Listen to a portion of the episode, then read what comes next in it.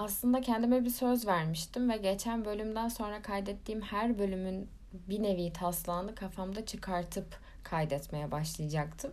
Ama yine yapamadım. Çünkü yapmam gereken birkaç iş vardı. Onları hallettikten sonra da kupamda böyle yarım çay kalmıştı. Onu da sohbet ederken içmek istedim. Çünkü konuşmaya çok ihtiyacım var. Zihnim yine düşünceler çeşmesi ve içinde çok boğuluyormuş gibi hissediyorum. Yani halledemediğim bir şeyler var. Çünkü bu hafta terapiye gidemedim. Bugün mindfulness'tan bahsetmek istiyorum size yani ön yargılı olabilirsiniz. Anlıyorum ön yargınızı. Ben de çok ön yargılıydım. Aslında hiç de böyle başlayan konuşmaları sevmem. Ya ben de senin gibiydim de işte değiştim falan. Ne güzel senin için ama ne yapabilirim? Sizi ikna etmeye çalışmayacağım. Sadece mindfulness'ın benim hayatımı nasıl değiştirdiğini, özellikle sadece 5 günde nasıl değiştirdiğinden biraz bahsetmek istiyorum. E, iki hafta sonu önce yani bu hafta sonu değil ondan önceki hafta sonu bizim okulda psikoloji günleri düzenlendi. Pazar günü katıldığım bir atölyede mindfulness'la tanıştım. Daha öncesinde mindfulness'ı sadece işte anda kalmak, nefes almak, meditasyon, yoga başlıklarının kapsadığı bir kavram zannediyordum. Ve çok önyargılıydım söylediğim gibi. E, atölyede de bunu hocaya özellikle sordum. Ya biz psikoloji okuyoruz. Biraz analitik düşünecek olursak bu ne kadar mantıklı? E, hoca dedi ki ben de senin gibi düşünüyordum. Ama biraz sonra bir teknikle tanışacağız ve bu teknikten sonra bunu seninle tekrar tartışmak isterim. Ben de tamam hocam dedim. E, yanlış anlamadıysam ve yanlış hatırlamıyorsam mindfulness tamamıyla bir kurbanın üstüne kurulu. Çünkü kurbağalar gerekmedikçe hareket etmiyorlarmış. Yanlarından bir sinek geçse bile yalnızca tek gözleriyle bakıyorlarmış. Buna da işte gerektiği ve yeteri kadar hareket etme deniyormuş mindfulness'ın başlığı altında. Daha sonrasında biz kurbağa gibi oturma tekniğiyle tanıştık. Bu teknikte de bildiğiniz meditasyona oturur gibi oturuyorsunuz ve sadece vücudunuzdaki nefesin akışını izliyorsunuz. Nerede tıkanıyor, nerede çok akışkan bunlara dikkat ediyorsunuz. Ve bu aslında çocuklar için geliştirilmiş bir teknik. Yani ne kadar ilginç değil mi? Hani 3 yaşında bir çocuğun ya da 4 yaşında bir çocuğun poposunun üstüne oturup 5 dakika boyunca sadece nefes alarak durması. Ama çocukların üstünde çok fazla işe yarıyormuş. Bunun için e, bilimsel makalelere de bakabilirsiniz. Ben bu tekniği yaparken işte teknik başta zaten nefes egzersizleriyle ve vücut taramasıyla başlıyor. Benim nefesim tam göğüs kafesimin ortasında, bronşlarımın birbirinden ayrıldığı yerde tıkandı. Yani tıkandığını hissettim. Orada bir bir şeyler yolunda değil gibi hissettim tekniği yaparken ve ağlamaya başladım. Yani gözümden çipil çipil yaşlar akıyor ama ne yaptığımı da çok bilmiyorum çünkü ağlayacağım hiçbir sebep yok. Sadece hava kapalı ve ben kapalı havayı da çok severim. Çünkü çok otomatik yaşıyoruz. Yani gün içinde aslında belki de kendimize ayıracağımız onlarca 5 dakika var ki bu teknik 5 dakika sürmedi bile. Geçmiş olsun dilekleriniz için de teşekkür ederim. Özellikle Instagram aracılığıyla dinleyenler varsa diye söylüyorum. O süreçte de gerçekten kendimi çok sorumlu tuttum. Aslında yani olanla ölene çare yok evet ama önüne geçilebilir bir şeydi camdan düşmesi. Ama geçemediğim için kendimi çok suçlu hissetmiştim ve çok çaresizdim sonuç olarak. e, bastırdığım duygularım vardı. Çünkü ne olursa olsun yani kedim bensiz de olsa belki de 4 sene boyunca birlikte uyuyup birlikte uyanmaya alıştığım bir canlı uzun süre yani 4 senenin sonunda benden ayrılmak zorunda kalsa ki bu yani hala anlatırken boğazıma bir düğüm atan bir cümledir. Hayatıma devam etmek zorundaydım ve hayatıma devam etmek benim için çok zordu. Hiç alışmadığım bir hayattı o çünkü. Yani daha önce hiç yaşamadığım bir hayattı. Umarım tekrar yaşamam ama yaşayacağım. Çünkü ölecek bir gün yani. Artık bunları bilerek ve bunların farkındalığıyla yaşamak benim için o kadar da ulaşılmaz olmuyor. Yani bir şey yaşıyorsak illaki bir sebebi olduğuna inanıyorum. Belki de bunun sebebi de buydu. Provaydı. Bilmiyorum. Allah gecinden versin demek istiyorum sadece. Ve ben işte o süreci atlatırken o 3-4 hafta boyunca yani Cookie'nin veterinerde kaldığı haftalar boyunca kendi duygularımı o kadar bastırmışım ki çünkü günüme devam etmem gerekiyordu. Din içinde boğuluyormuş gibi hissediyorum şu ara. Daha sonra bunu keşfettim ve onu fark edince e, teknikleri araştırmaya başladım. Yani mindfulness ile ilgili daha fazla bilgi edinmeye başladım. Daha çok teknik araştırmaya başladım. Ve daha çok bunu hayatıma entegre etmeye başladım. Aslında evet anda kalmakla ilgili Ee, anda kalmak bizim için çok mu zor? Evet çok zor. Çünkü biz gelecek odaklı yaşayan organizmalarız. Daha doğrusu mekanizmalarız. Çünkü yani ya da şunu düşünün. Şöyle izah edebilirim sanırım. Arkadaşlarınızla oturuyorsunuz. Birisi ortaya patates kızartması söylüyor. Siz orada o an patates kızartması yemek isteyip istemediğinize karar vermeden otomatik olarak baş parmağınızı, işaret parmağınızı tabağa doğru uzatıyorsunuz. Belki bir tane, belki birkaç tane patatesi alıyorsunuz. En sevdiğiniz sosa bandırıp ağzınıza atıyorsunuz. Ve belki de birkaç lokmadan sonra yani birkaç patatesten sonra patatesin tuzunun az olduğuna ya da fazla olduğuna, sosta bir gariplik olduğuna ya da normal olduğuna karar veriyorsunuz. Çünkü tada alışmaya başlıyorsunuz ve tatlı bir gariplik olduğunu anlıyorsunuz. Bu psikolojide tamamıyla bu söylediklerimin belli bir anlamı var şu an uzun uzun anlat, anlatıp da konuyu da atmak çok istemiyorum. Daha sonra bunun üstüne gitmeye başladım. Çünkü ben de çok otomatikti işte sabah kalkarım kahve içerim ve kahve yapma şeklim bile bellidir. Önce işte kağıdı çıkar ondan sonra makine temizlenir vesaire vesaire. Çok da otomatik yaşadığımız için o an aslında ne yapmak istediğimize hiç karar vermeden yaşıyoruz bence. Yani işte alışıldığı için ve olması gerektiği için yapıyoruz. Yapmak istediğimiz için ya da o an onu yapmak bizi doyuracağı için yapmıyoruz. Çayımdan bir yudum aldım mesela az önce. Ama kendimi iyi hissettim. Çünkü hayatımda ilk defa canım çay çekti. Ders çalışacaktım.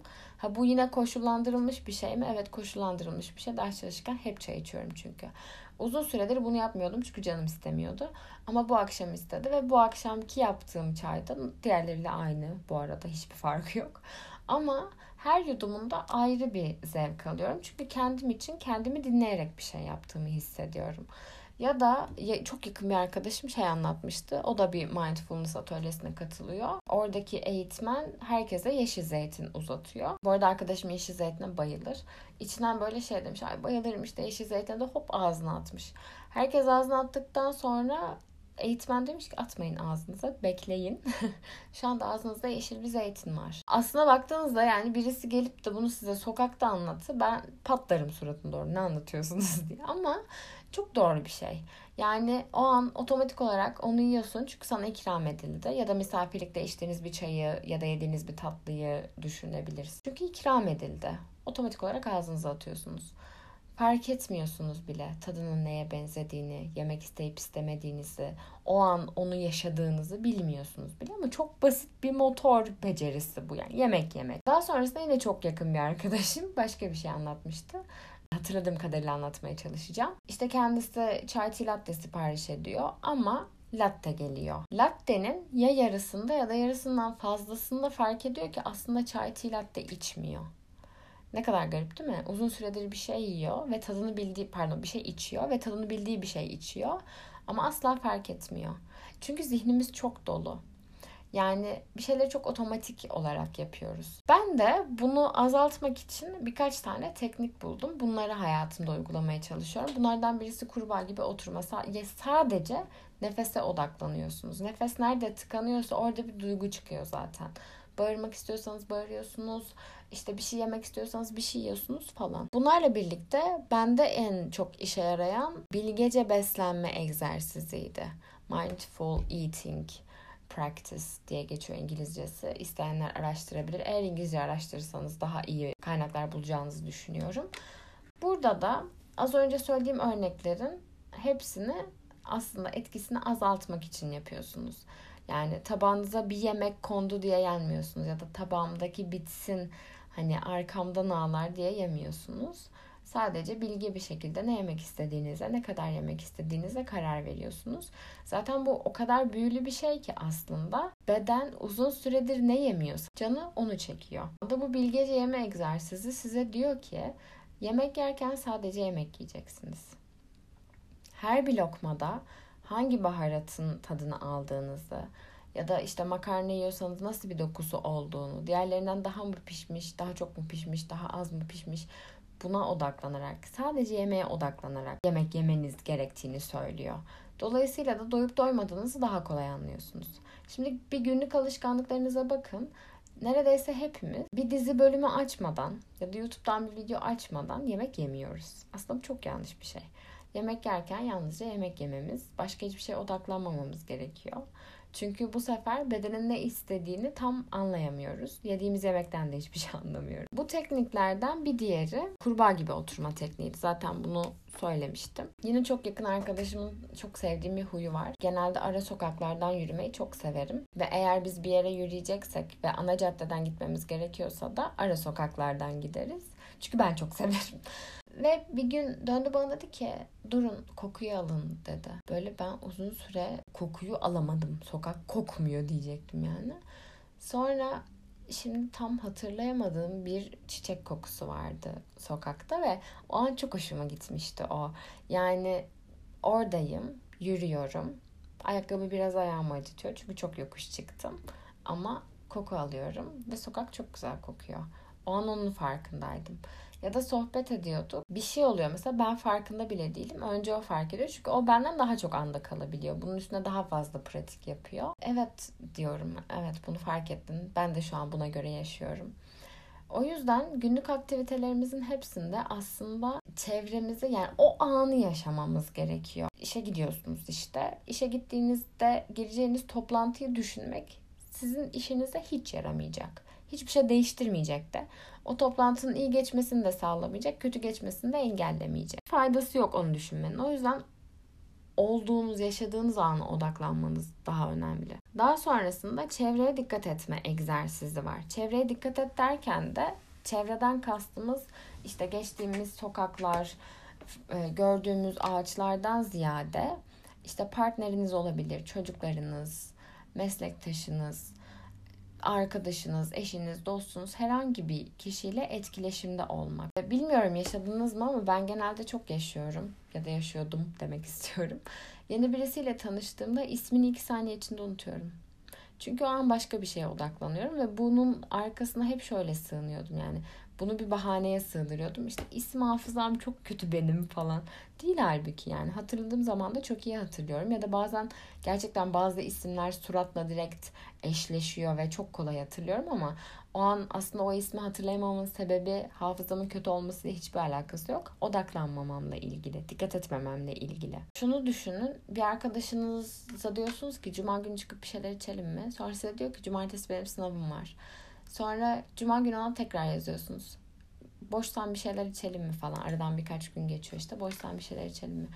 Aslında dikkat etmemişsiniz onun programına. O an tek istediğiniz şey cuma günü gününüzü bir planla doldurmak ve yazdığınız kişilere belki dikkat etmediniz. Yazdığınız kişilerden aldığınız cevaplara belki dikkat etmediniz. O an sadece hala plan yok. Cuma günü bir şey yapmayacağım diyorsunuz.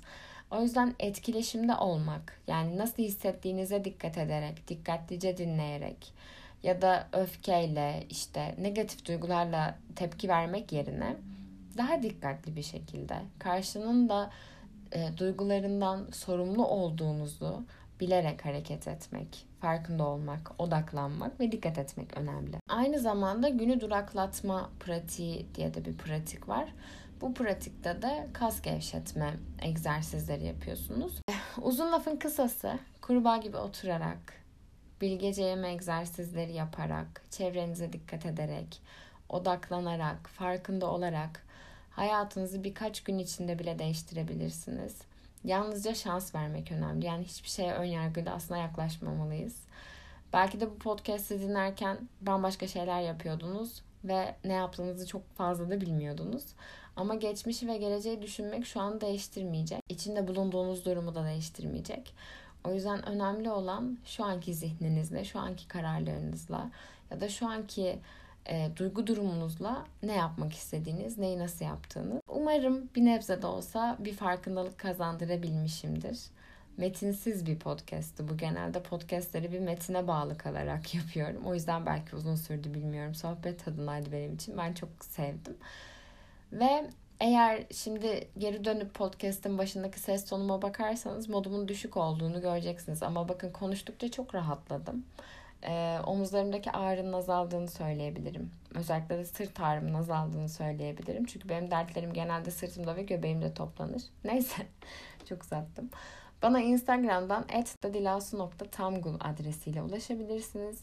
YouTube'daki kanalımın adı Dilasu Tamgül. Onun dışında bu bölümle ilgili düşüncelerinizle ilgili Instagram'dan ya da nereden ulaşıyorsanız artık görüşlerinizi bekliyorum. Podcast konuları önerirseniz, video konuları önerirseniz çok sevinirim. Çünkü aslında benim bunu yapma amacım bir yandan kendimi rahatlatmak olsa da bir yandan sizi de rahatlatmak, size de iyi gelmek.